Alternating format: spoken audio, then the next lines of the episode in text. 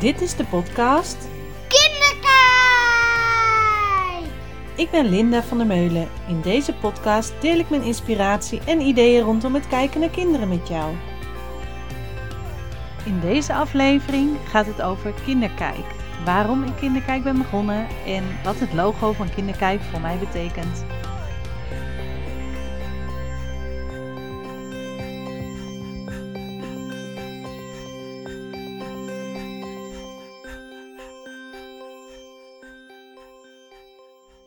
Fijn dat je weer luistert naar deze podcast. Zoals ik in de introductie al vertelde, ga ik deze keer meer vertellen over Kinderkijk en uh, wat Kinderkijk voor mij betekent, maar ook wat het logo van Kinderkijk betekent. En ook um, wil ik deze keer een opdracht meegeven. Dus uh, ook jezelf aan het werk zetten en uh, kritisch laten nadenken.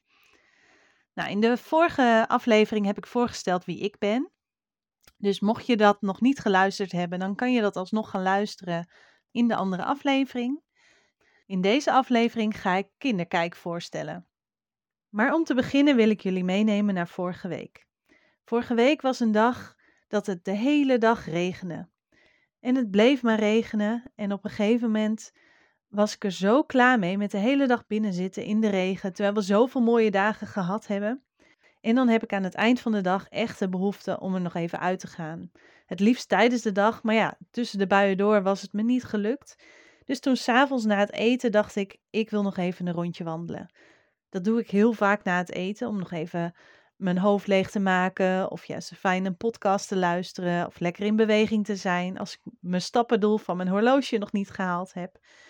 En nu deze keer dacht ik ook, ik ga nog even lekker naar buiten. Maar het had de hele dag al geregend en eindelijk was het even droog en het zonnetje scheen nog even, dus ik had precies geluk. Ik liep daar lekker in het zonnetje en toen zag ik het in de verte regenen.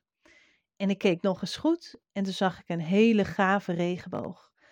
Niet een normale regenboog, daar raak ik al door verwonderd, maar deze regenboog was extra speciaal. Want het was een soort dubbele regenboog die een soort van dubbel geklapt was. Dus elke kleur was twee keer te zien in dezelfde boog. Heel bijzonder, heel gaaf. Ik raakte totaal verwonderd. En eigenlijk iedere keer als ik een regenboog zie, dan heb ik een soort van blij gevoel in me. Of dan, uh, nou dat is eigenlijk ook de reden waarom um, het logo van Kinderkijk een regenboog is ben kinderkijk begonnen vorig jaar maart, dus in 2019. Maar ik liep eigenlijk al heel lang rond met het idee. Maar toen had ik zoiets, ik ga het gewoon doen. Het is namelijk zo dat ik uh, sinds 2007 in de kinderopvang werk en ook sinds die tijd uh, mee mocht met trainingen en ook langzaamaan zelf trainingen ben gaan geven.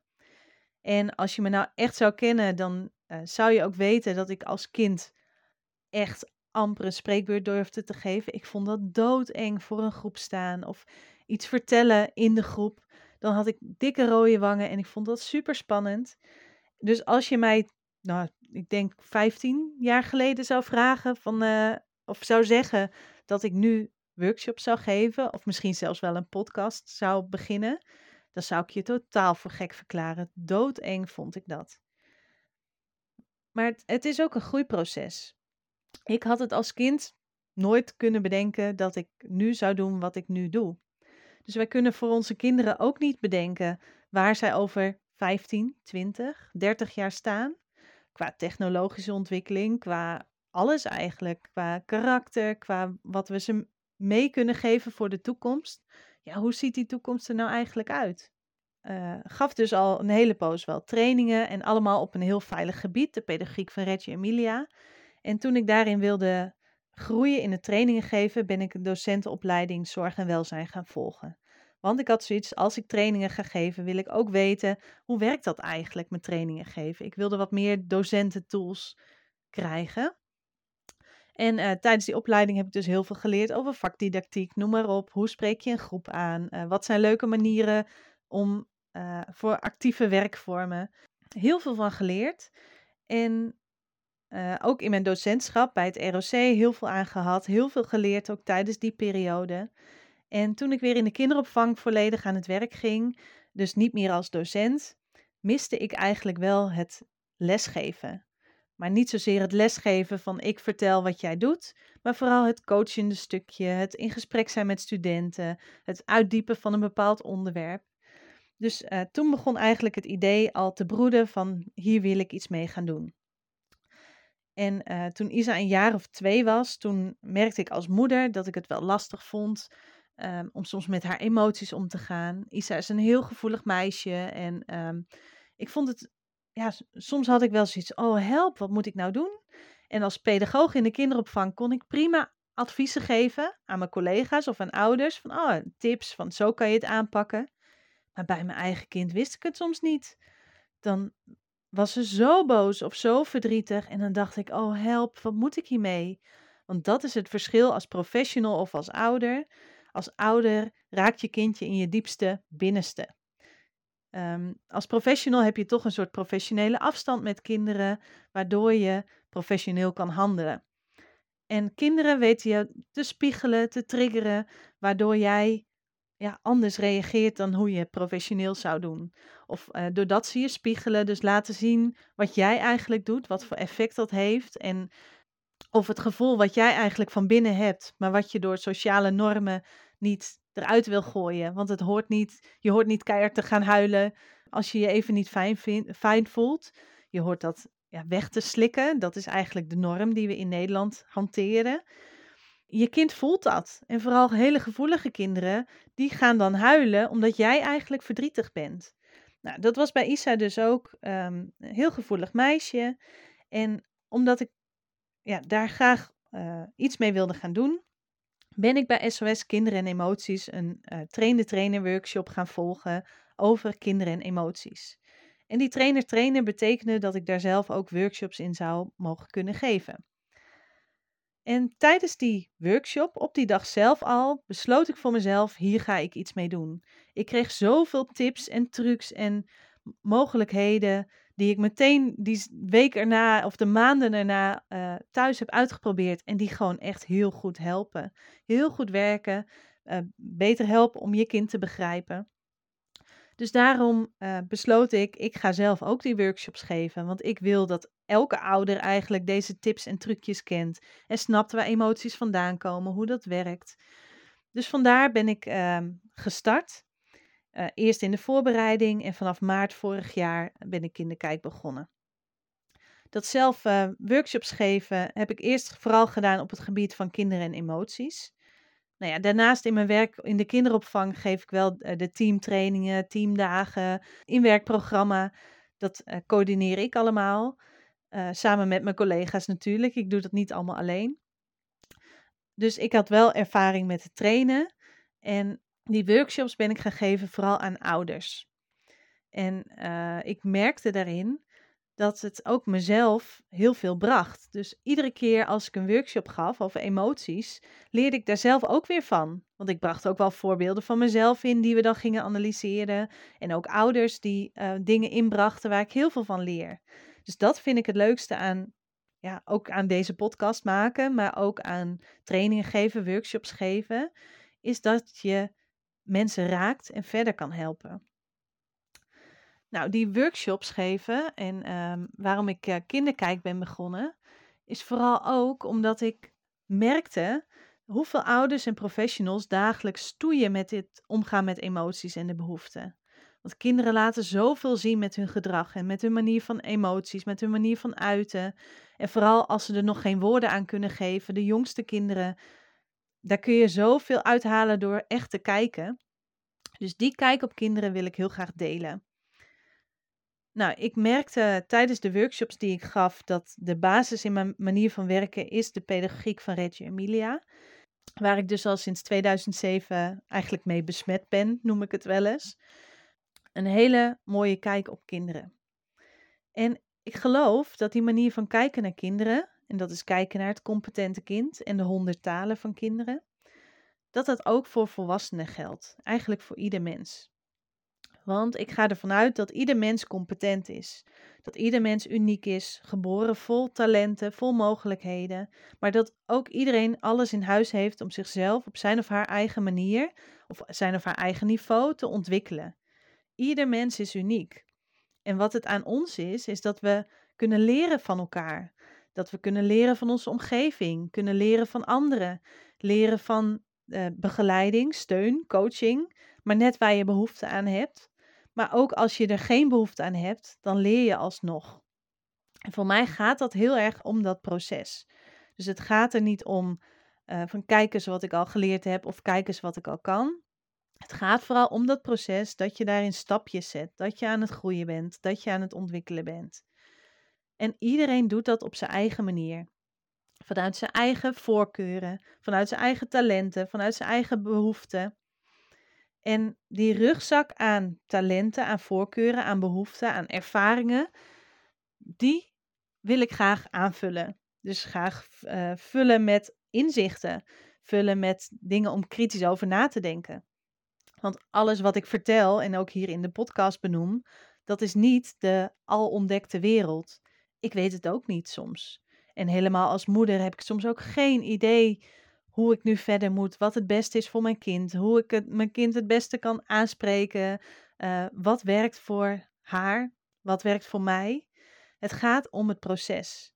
En wat ik heel belangrijk vind, is dat je in dat proces regelmatig even stilstaat. Dus dat je stilstaat bij wat er gebeurt. En daarin ook even terugkijkt van wat is er gebeurd? Um, hoe ben ik hier gekomen? Welke onderdelen hebben gewerkt en wat werkt niet? Maar ook vooruitkijkt naar hoe nu verder? Wat, wat zou een volgende stap kunnen zijn? Hoe zou het verder kunnen? Nou, een middel voor uh, bijvoorbeeld pedagogische professionals kan zijn uh, pedagogische documentatie inzetten. Nou, op de buitenkant heb ik het hele documentatieplan samen met mijn collega's opgezet. En daar volgen we de kinderen door echt te kijken en door te observeren, door dingen op te schrijven. En bewust te kijken naar wat doen de kinderen, hoe doen ze het, wat laten ze zien, waar komen ze mee thuis, eh, of waar komen ze mee op de opvang eigenlijk, waar, um, waar hebben ze het over, wat raakt ze.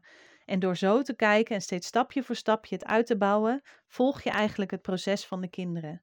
En wat ook super interessant is, is om te kijken hoe doet het ene kind iets en hoe doet het andere kind iets. Dus door te kijken naar hoe, raak je de kinderen, waar zijn ze mee bezig, wat nou ja, de verschillen en de overeenkomsten tussen de groep met kinderen.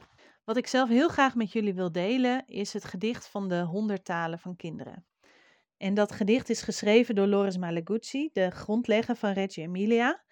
En die heeft dat gedicht geschreven om te laten zien waarom het zo belangrijk is om naar kinderen te kijken.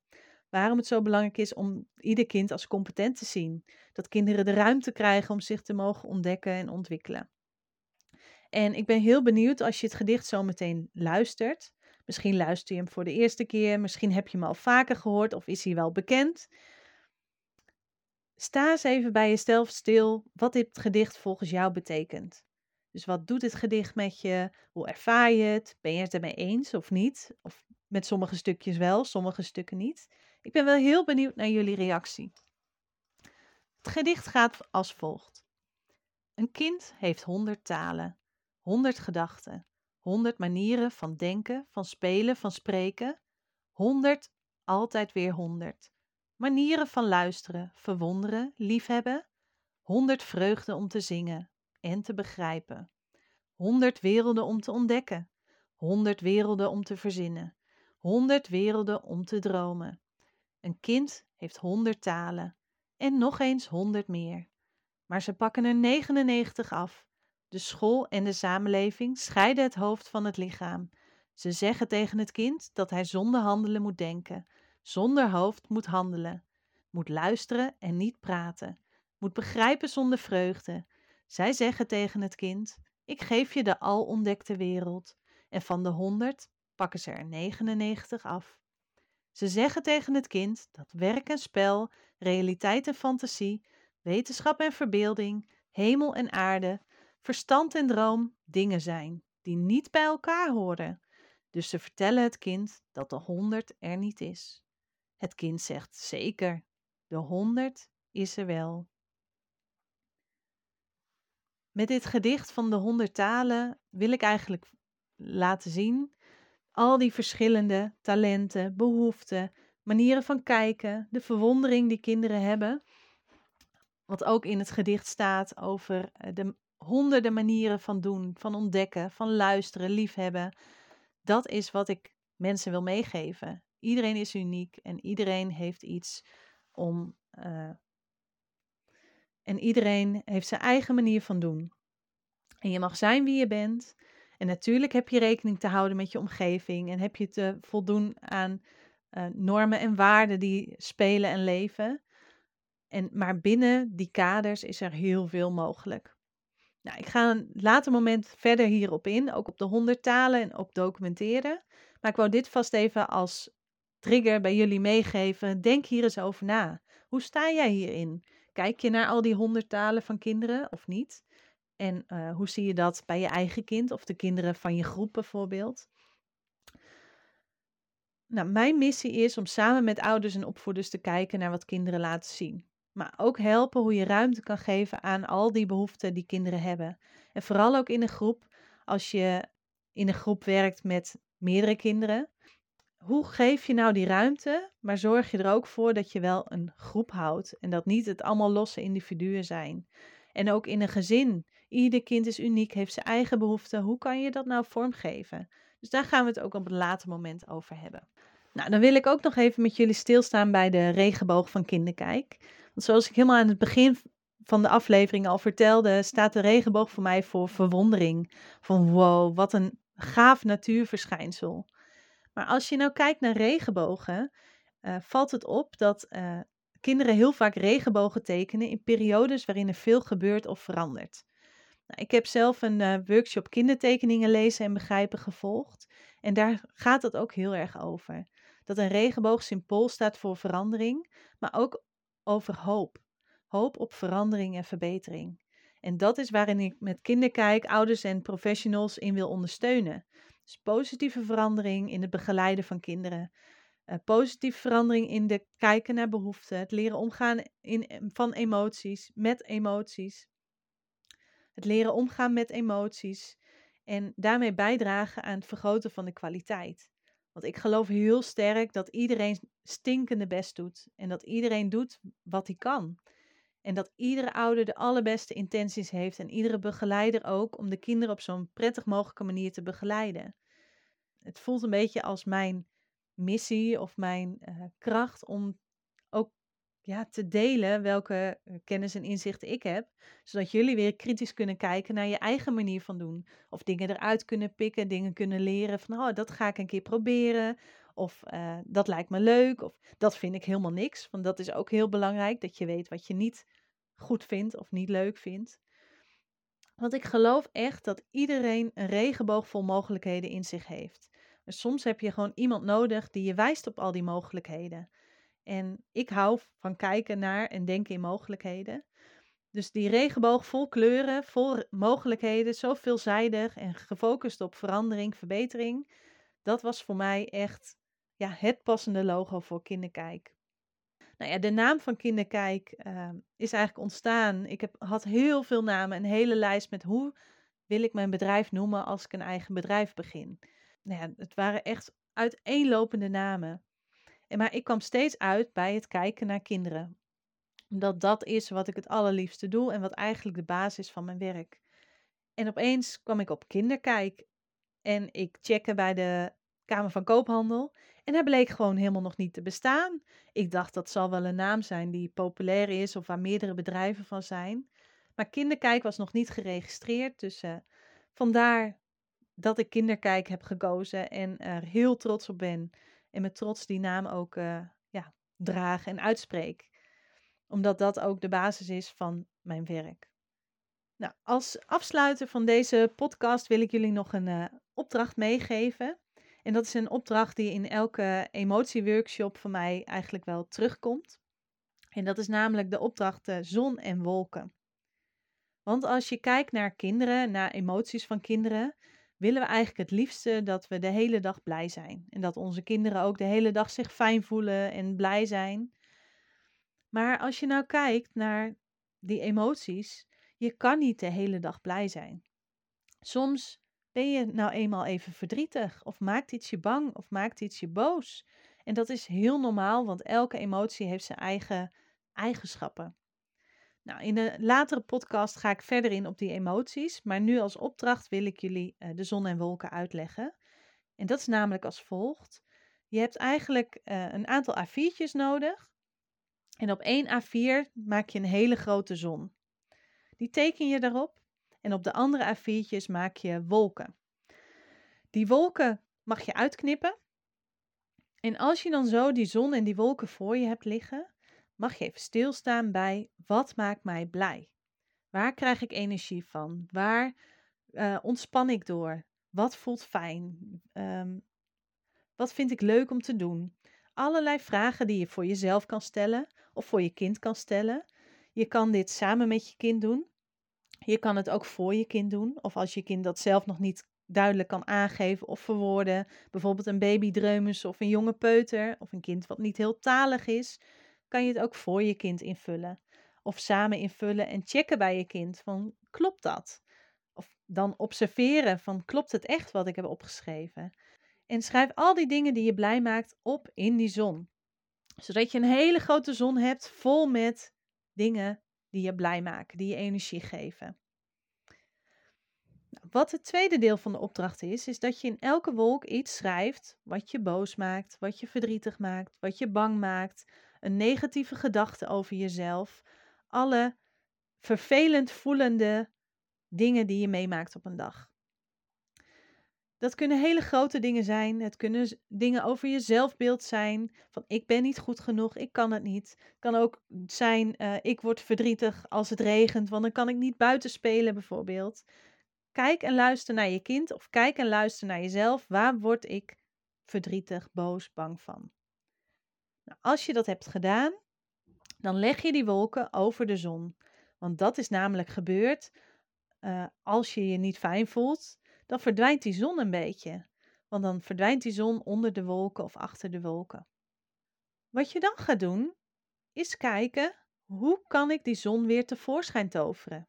Nou, en dat kan op heel veel verschillende manieren. En wat heel leuk is, is om ook met je kind creatieve manieren bedenken om die zon weer tevoorschijn te laten komen. Dus als je je niet fijn, voelt, wat helpt jou dan? Nou, ga daar eens mee aan de slag. En ik ben heel benieuwd wat jullie, uh, uh, hoe jullie dit gaan ervaren. Of je het uitgetest hebt. Deel het dan ook alsjeblieft. Want ik vind dat hartstikke leuk om te horen wat dit met je doet. En dit is een heel laagdrempelige oefening om met je kinderen te praten over emoties.